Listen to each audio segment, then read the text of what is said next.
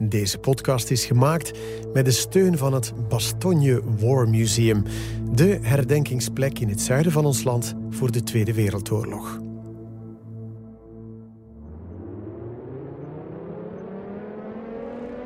Tachtig jaar geleden woedde de laatste oorlog in onze gewesten. Een oorlog die Europa verscheurde, hertekende en waarvan we de gruwel tot vandaag proberen te bevatten. De Tweede Wereldoorlog. En de laatste generatie die hem zelf heeft meegemaakt, doven straks ook de laatste rechtstreeks herinneringen eraan uit. In deze podcastreeks praten we nog één keer met die allerlaatste getuigen, opdat hun verhalen nooit verloren gaan.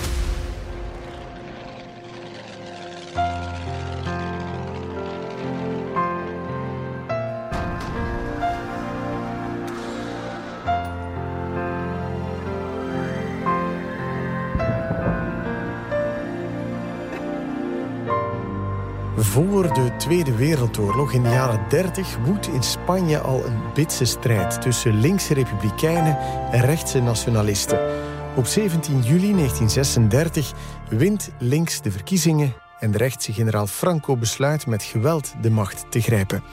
Het is het begin van een bloedige burgeroorlog die honderdduizenden levens zal eisen. Martín Aguirre maakt het als jonge tiener allemaal van dichtbij mee. Ik ben 97 jaar oud. Ik ben geboren 1925 in Getxo. Getxo is een voorstad van Bilbao in Spaans Baskeland.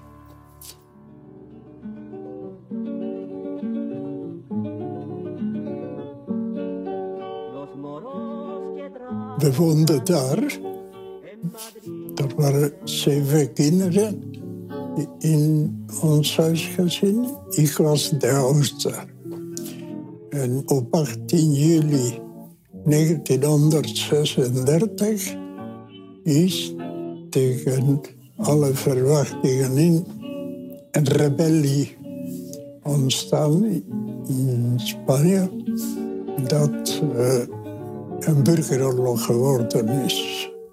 Dus de Basken hebben gezegd, we doen niet mee aan de rebellie. We blijven loyaal tegenover de republikeinse regering van Madrid. Die ideologisch gezien niet aan onze doelstellingen beantwoordde nogthans. Maar we vonden dat de rebellie niet te rechtvaardigen was.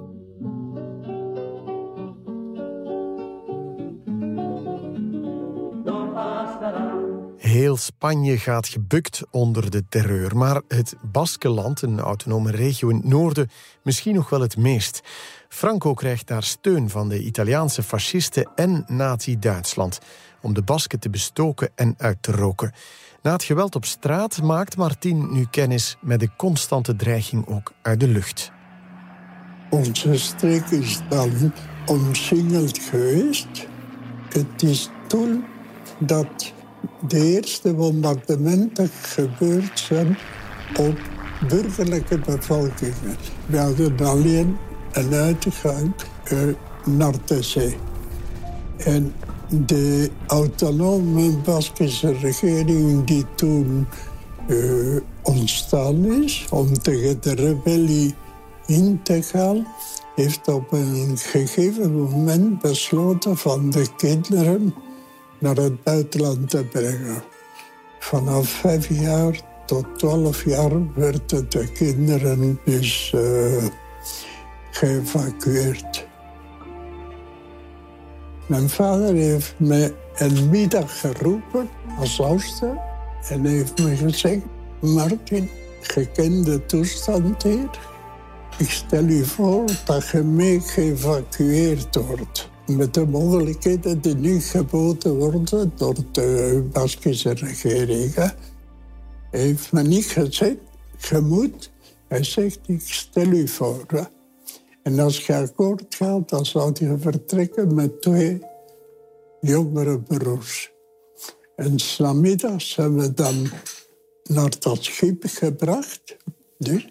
En uh, die volgende nacht, in de vroege ochtend misschien, zijn we met dat schip vertrokken. We werden bewaakt door de British Navy. We zijn zo op 1 juni 1937 met twee andere broers dan geëvacueerd naar Frankrijk.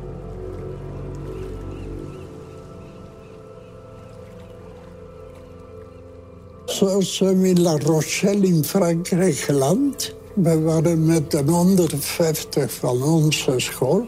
Want dat gebeurde ook in schoolverband. Ze hebben met de trein naar het zuiden van Frankrijk gevoerd. Waar wij een maand in een schoolkolonie gebleven zijn.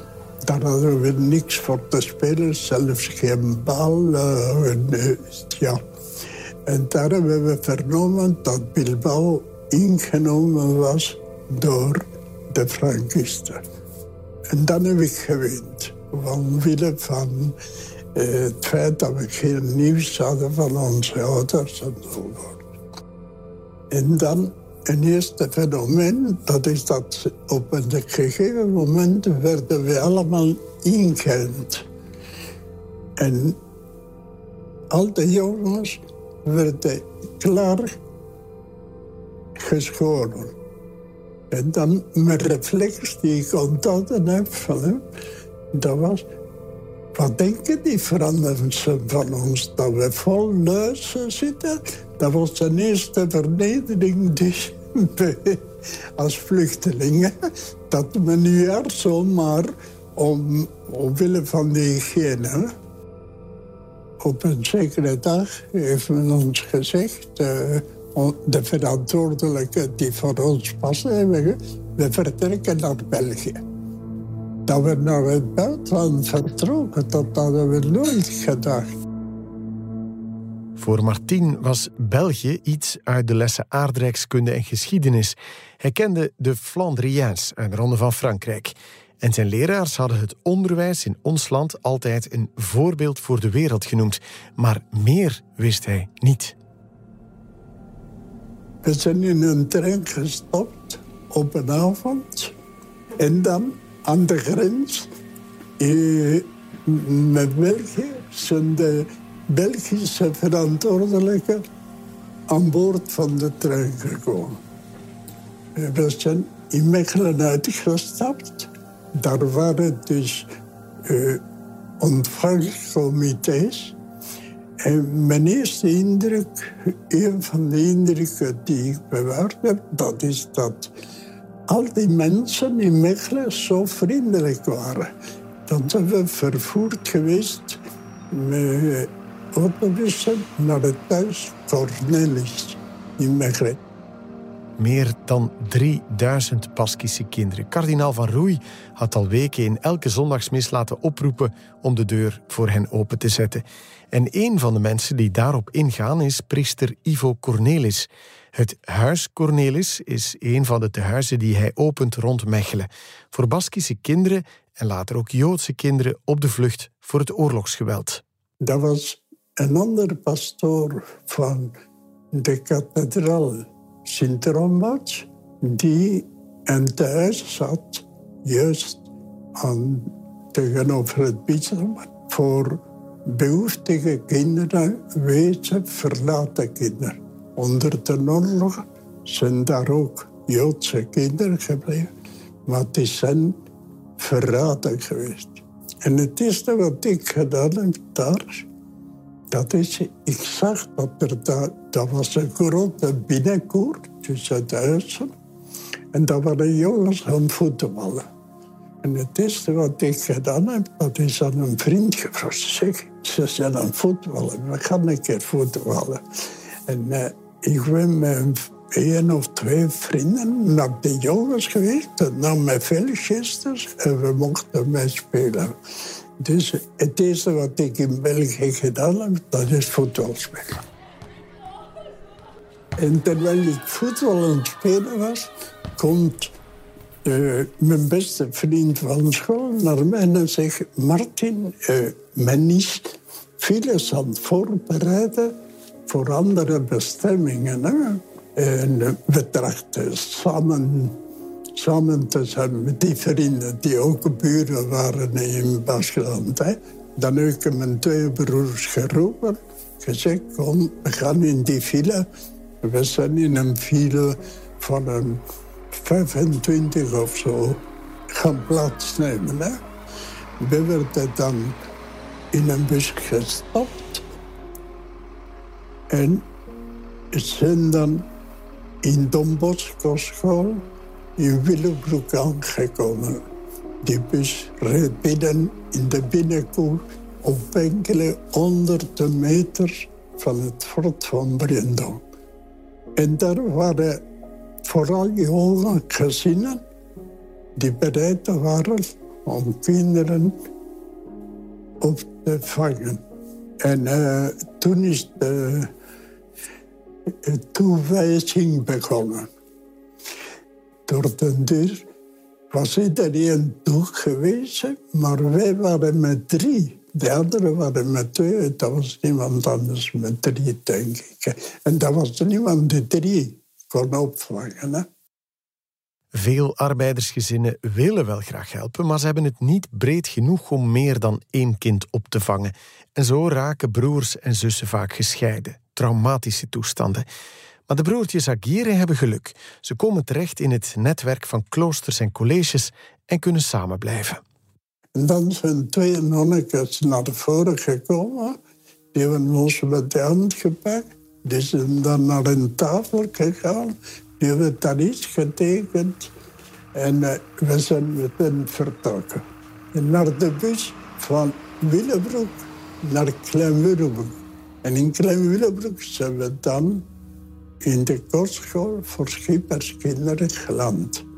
In Klein Willebroek, daar zaten wij drie aan de hand van twee nonnetjes. Die dan ons aan een muur brachten, zo'n blinde muur met een grote poort. De somberste kant van heel die school. Dat is het moment geweest waarop ik me dus ineens besef, wat word ik? Ten eerste, we hadden niet veel contact met nonnetjes in Baskeland, omdat de nonnetjes meer contemplatieve ordens waren en die, die zag je niet op straat in die tijd. Hè? Ten tweede, als ik iets misdaan had op school of zo, dan zei mijn vader tegen mij: Ik ga u een pensionaat steken. En nu stond ik daar voor een muur met een poort. dan hebben ze ons in een grote slaapzaal gestopt. Zonder, dat waren de bedden, dat waren een grote zaal voor de jongens en een grote zaal voor de meisjes. En dan uh, zijn we direct naar school gegaan. Ik ben daar, ik denk tot de 39 of zo. Want ik was nogal rap uh, te oud om daar te blijven. Bijna twee jaar wonen de broers Martin, Galzou en Javier bij de zusters van de vrij lagere schipperschool van Klein Martin heeft niets dan warme herinneringen aan die tijd. Zijn ouders moet hij missen, maar de zusters omringen hem met liefde en aandacht. Het wordt 1939. Daarna, ja. Dus Franco heeft de oorlog gewonnen. Uh, de burgeroorlog is op 1 april 1939 uh, eh, gedaan. Franco is met zijn totalitair regime begonnen. Ja. Dus uh, eh, 39, de oorlog is gedaan. Mijn vader komt naar hier. Die wil naar Venezuela gaan. En de nonnetjes zeggen, oh, ze zijn zo braaf, dit dat. Mijn moeder is dan naar Spanje gegaan met de kleinste hier beginnen studeren. Ja, en dan zijn we hier gebleven. Het gezin Aguirre wordt in drieën gebroken. Martien gaat naar de middelbare school waar Nederlands leren hem zwaarder valt dan zijn broers. Hij vroet en hij zucht op die stugge Vlaamse poëzie. U weet het wel, het is goed in eigen hert te kijken enzovoort. Tegelijk rollen Duitse tanks België binnen. Ja, het is een heel woelige tijd geweest. De burgeroorlog is uh, april 39.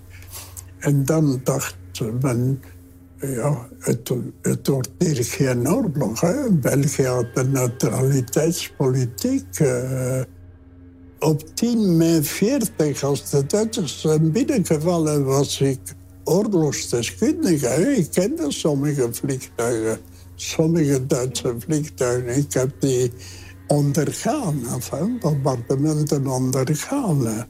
Ik had een zekere politieke cultuur als de oorlog hier uitgebroken is.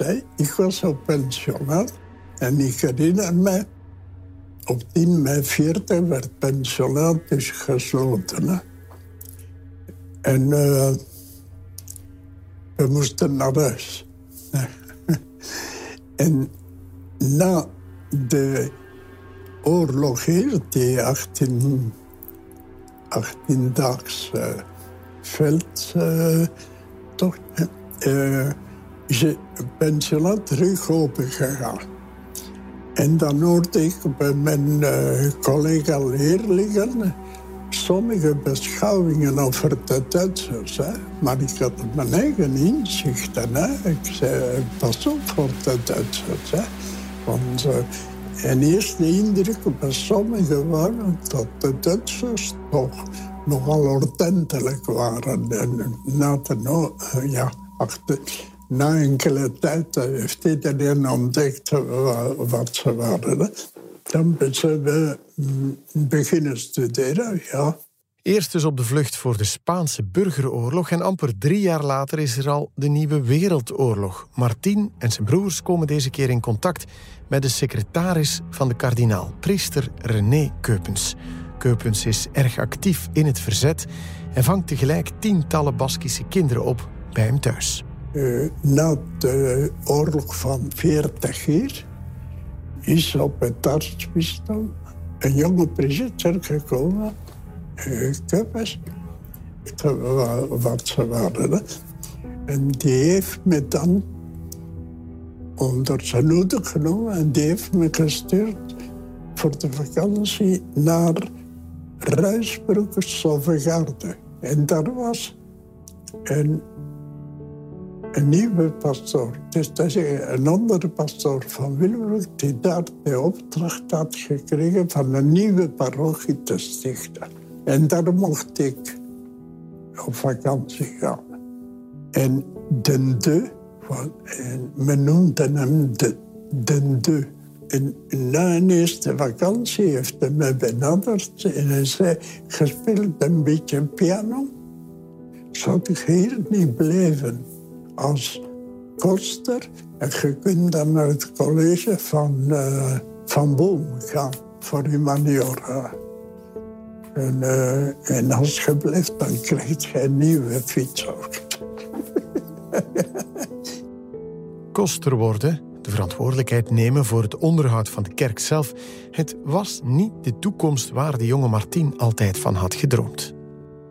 Ik heb nee gezegd.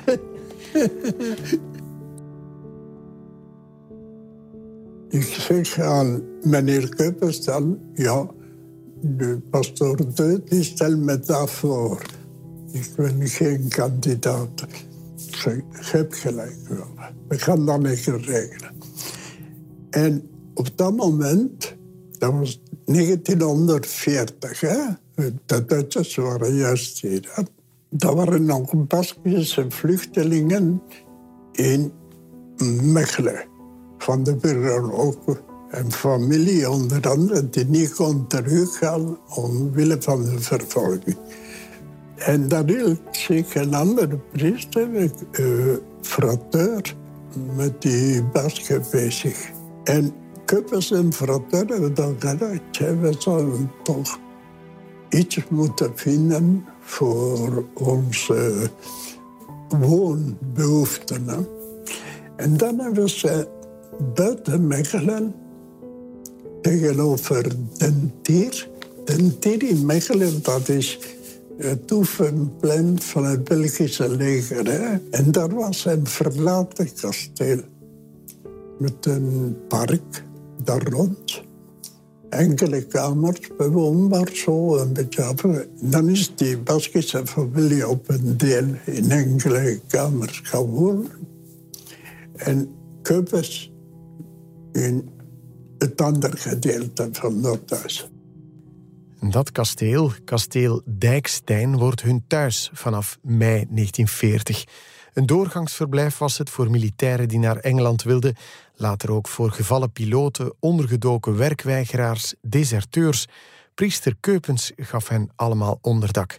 Hij bleek de centrale spil tussen het verzet, het Joodse verdedigingscomité en de kerk. En dan is ze begonnen met de Joden te helpen. Tussen 1942 en 1945 weet het netwerk honderden Joodse kinderen uit de klauwen van de nazi's te redden. Dat Martin daarbij een belangrijke rol zou spelen, had hij nooit kunnen denken. Van tijd tot tijd kwam een Joodse kind langs om ergens anders geplaatst te worden. En Kuppers wilde meer doen. Zo uh, gaf meneer Kuppers ons opdracht een kleine te gaan halen en ergens anders uh, te vervoeren of zo. Ik heb uh, enkele gevallen gekend. Ik bracht een kleine op mijn fiets in Mechelen op een gegeven moment hoor ik motoren achter me. En uh, ja, die, die motoren, dat waren de twee Duitse veldgendarmen. En op het moment dat ze mij gingen voorbij heb ik een verkeerde manoeuvre gedaan. En die Duitsers waren artillerieën op zijn grond van zijn dingen. En, dan begonnen ze te schreeuwen en zo. En ik weet niet wat ik gedaan heb of niet gedaan. De mensen stonden die daar voorbij kwamen. Ze zijn zonder meer vertrokken. Martien zal meer dan eens met de fiets op en afrijden tussen Mechelen en het kasteel van Linde. De kasteelvrouw, Madeleine Sorel, hielp daar tientallen Joodse kinderen onder te duiken. Via het netwerk van priester Keupens geraken de meeste veilig weg. Sommigen achter op de fiets bij Martien, anderen in zijn zog op de tram. Eentje daarvan maakt het hem op zekere dag erg moeilijk. En dan heb ik iemand gekend die ik uh, moest uh, begeleiden van Berlin naar Mechelen. Fred Bilte. Die heeft me last berokkend om te zeggen. ben hem gaan bij juffrouw Sorel in Linden. We de tram genomen en die, die tram die ging, dat was een stadstand tot uh. En die reed tot een station van Leuven. En daar uh, ging die terug in de richting van waar hij gekomen was. En uh, bij het uitstappen uit de tram, Fred Peer heette, Peer van Dorpen. En ik ga lopen. En ik erachter. Ik heb hem ingehaald. Ik heb hem terug naar de helpen van de tram gebracht. En dan heb ik gezegd, je betrouwt me niet of zo. Dan het beste is dat we terug naar juffrouw Sorel gaan. Ik kon geen risico's nemen. De tram van Linden kwam. Dat is de goede tram die we moeten nemen naar juffrouw Sorel. Hij wilde niet instappen. Daar stonden we dat. Het was namiddags. We werden niet gehoorzaam en hij stond daar dus uh, klaar om weg te gaan lopen. En op een gegeven moment dacht ik, nu kan ik niet meer wachten. Ik wist al wat duurt dat de trein naar Mechelen vertrok. En dan heb ik hem gezegd, je moet me volgen, je moet me betrouwen, het is voor je goed. Ik heb hem genomen en uh, naar het station gesleurd. En in het station moest men naar de controleur die de kaartjes knippen in die tijd voordat je op perron mocht. En dat was in Leuven. Die controleur die stond aan een buffetzaal. En daar waren mensen aan tafeltjes uh, aan praten en zo. En uh, Pierre, die begon te schrijven, of eh, te schrijven, te benen en zo, maar ik sleurde hem toch mee. Pierre van Dorpen, alias Fred Bild, schreeuwt het hele station bijeen. Wat natuurlijk de aandacht wekt van een Duitse patrouille. En terwijl op het buffet naar de kaartcontroleur stapte, kwam, waren daar twee militairen die recht stonden. Die hadden touwen en die komen naar mij. En zei, wat doet u met die kleine? In Nederlands, hè. Dat waren zes mannen eh, van Lankmark of. Die hadden de, enige die zulke uniform konden dragen. Die waren waarschijnlijk met verlof of. En het antwoord, daar heb ik geen zaken mee. Ondertussen was ik met de controleur die me doorliet. Had die door. En die twee militairen ik heb die niet meer gezien of niet achteruit gekeken. We zijn dan de tunnel ingegaan naar het perron voor Mechelen. En Pierre, Fred, die weende en weende. En uh, de trein uh, was al uh, vol. Die stond vertrekkers gereed een deur open gedaan, want die stond open. Ik heb de kleine daarin gestopt. En dan opeens al die uh, arbeiders en bedienden en zo, want dat was zo een spitsuurtrein. En allemaal tegen me zei, wat doet u met die kleine? En dan heb ik het reflex gehad. En toen zei ja, het is mijn jongste broer. En... Uh, die is op een kamp van Winteren. En zijn moeder wil dat hij terug naar huis kan. Dan hij wil nee. Dan die mensen allemaal tegen Pas op, manneke, pas op. Vanaf dat moment heeft hij gezwegen dat ze we in Mechelen uitgestapt. Dat ze we te voet tot Dijk zijn, dus buiten Mechelen, te voet gegaan. En daar heb ik hem afgezet. En dan heb ik hem enkele dagen daarna naar Klemwillebroek gebracht. Met de fiets.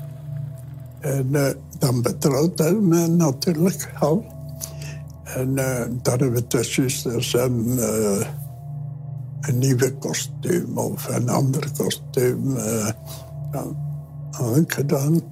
En dan is de broer van meneer Kuppers, die onderpastor was in Lübeck. Die is die daar komen halen om naar Lübeck. En dan heb ik er niks meer van gehoord. De kleine Pierre is acht jaar, Martien 18. Na de fietstocht richting vrijheid scheiden hun wegen. Tot een telefoontje 38 jaar later in 1980, het was veel jaren daarna, heb ik een accident gehad. En uh, ik was hier uh, dus uh, thuis. En mijn revalidatie. Op een gegeven moment kreeg ik een telefoon van de Canadese ambassade. En dat is iemand die zich voorstelt als uh, adviseur of ik weet niet welke functie hij had. En hij zegt, ja, we zijn een studie aan het maken over de jodenvervolging in België en van de kinderen in het bijzonder. En men heeft ons hun naam gegeven. En uh, wilt u ons iets vertellen? Of, uh, ik zeg, ja, maar ik, ik, kan niet veel vertellen, maar enkele gevallen en dan heel beperkt. En op het einde van het gesprek, vermist dat die man insisteerde, uh, vertel ik hem dit verhaaltje om u de ambiance te geven. Zei. En die man antwoordde mij goed. Zei, moest ik nog bijkomende uh, informatie nodig hebben, uh, mag ik u terug contacteren? Ja, ik zeg, ik ben hier gekort thuis. Ja, goed. Zondagavond telefoneerde terug. En uh, hij vraagt me, mag ik u komen opzoeken? En hij is hier gekomen en hij laat me onmiddellijk een een telex was dat in die tijd, of was dat? Hè? Ja. Ze gaan ageren dat die kleine, die hem zoveel last berokkend heeft, dat ik het ben en dat ik hem opzoek. En getekend ambassadeur van Canada in Thailand, Bangkok. Die kleine is dus na de oorlog, zijn vader is in Auschwitz gestorven. Zijn moeder heeft zich kunnen verstoppen in Brussel. Is na de oorlog naar Canada gegaan, heeft gestudeerd, heeft diplomatieke carrière en is ambassadeur geworden. Jarenlang heeft Pierre van Dorpen gezocht naar sporen van zijn eigen jeugd in België en Martin was er daar één van. Zijn echte naam, Fred Bild, heeft Martin voor hun weerzien toch nooit gekend. Nee, ik kende ook zijn echte naam niet. Ik kende alleen zijn naam, Peer van Dorpen. Meer nee. We kenden niet de echte naam. Achteraf hebben we gekend sommigen. Na de corona is ze nu een bezoek gaan brengen. Heel kort, is maar vijf dagen in België geweest, zes dagen. Maar hij is twee keer er hier geweest, ja. 38 jaar lang is de vraag door Martiens hoofd blijven spoken. Waarom was Fred die dag zo weerspannig, zo wantrouwig? En dan hebben we elkaar ons verhaal eh, verteld, hè, hoe dat we die beleefd hebben. En ik heb hem de grote vraag gesteld, maar waarom betrouwde je me niet? Want je bent de enige geweest die me niet betrouwde. Er was geen reden. En dan heeft hij me verteld wat er gebeurd is. En daar, daar heb ik niet de minste herinnering aan dat aspect. Het schijnt dat op de tramreis van Linden naar het station. Ik hem gezegd heb, geef die appel die je in je zak. Hij had een appel gekregen van juffrouw Sorel voor zijn reis. Voor zo'n kleinigheid als veste. En ik kon die appel in zijn broekzak niet insteken, die was te groot. En dan moet ik hem gezegd hebben in het Frans, want hij sprak in Nederlands. Donne-moi la pomme, je te la aan Malin.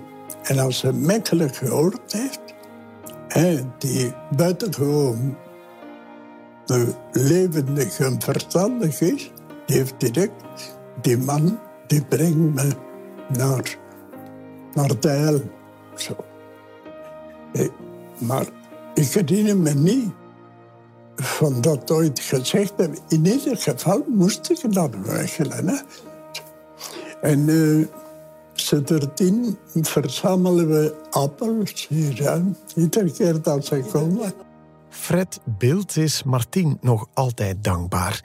En daarom heeft hij zijn naam opgedragen als rechtvaardige onder de volkeren. Dat is een eretitel die Israël geeft aan niet-Joden, aan Goyim, die tijdens de oorlog Joden hebben geholpen om aan de Holocaust te ontkomen. Al blijft Martin zelf er allemaal toch erg nederig onder. Onwennig ook, wanneer je hem vraagt hoeveel kinderen hij nu precies heeft geholpen. E-, eigenlijk heb ik niemand gered. Ik heb alleen geholpen, maar ik was zelf... Ik, werd zelf beschermd. En ik kon uit mijn eigen had ik geen materiële mogelijkheid om iets te doen. Hoeveel kinderen? Niet veel. Men vraagt u, gaat die kleine daar halen en brengt die naar daar. Hm? Dat is alles wat ik gedaan heb. Ik kon die kleine niet bij mij thuis opvangen, want ik was zelf opgevangen. De grote vraag is, hebben we genoeg gedaan? En die wij, dat is breder uh, uitgedacht. Hè? Dus uh, dat zijn er sommigen die veel meer gedaan hebben dan, dan het gemiddelde. Ja. Fred zelf, die misschien wel zijn leven te danken heeft aan Martin, stond erop om vanuit Canada te vertellen wat mensen zoals Martin hebben betekend voor hem en voor ontelbare anderen. Bonjour Martin. Il y a déjà quelque temps, je suppose que tu as reçu une dernière pomme de ma part. Parmi les nombreuses personnes qui m'ont sauvé la vie pendant l'occupation allemande, tu es celle qui a eu le plus d'effet, non seulement sur ma compréhension de la situation, mais aussi sur mon cœur. Un heureux hasard a fait que je puisse t'envoyer ce témoignage de mon bon souvenir et de mon appréciation pour l'amitié qui s'est créée entre nous depuis que nous avons rejoint l'âge adulte et depuis que tu as pu comprendre les raisons des problèmes que je t'avais créés 37 ans avant je pense à toi régulièrement.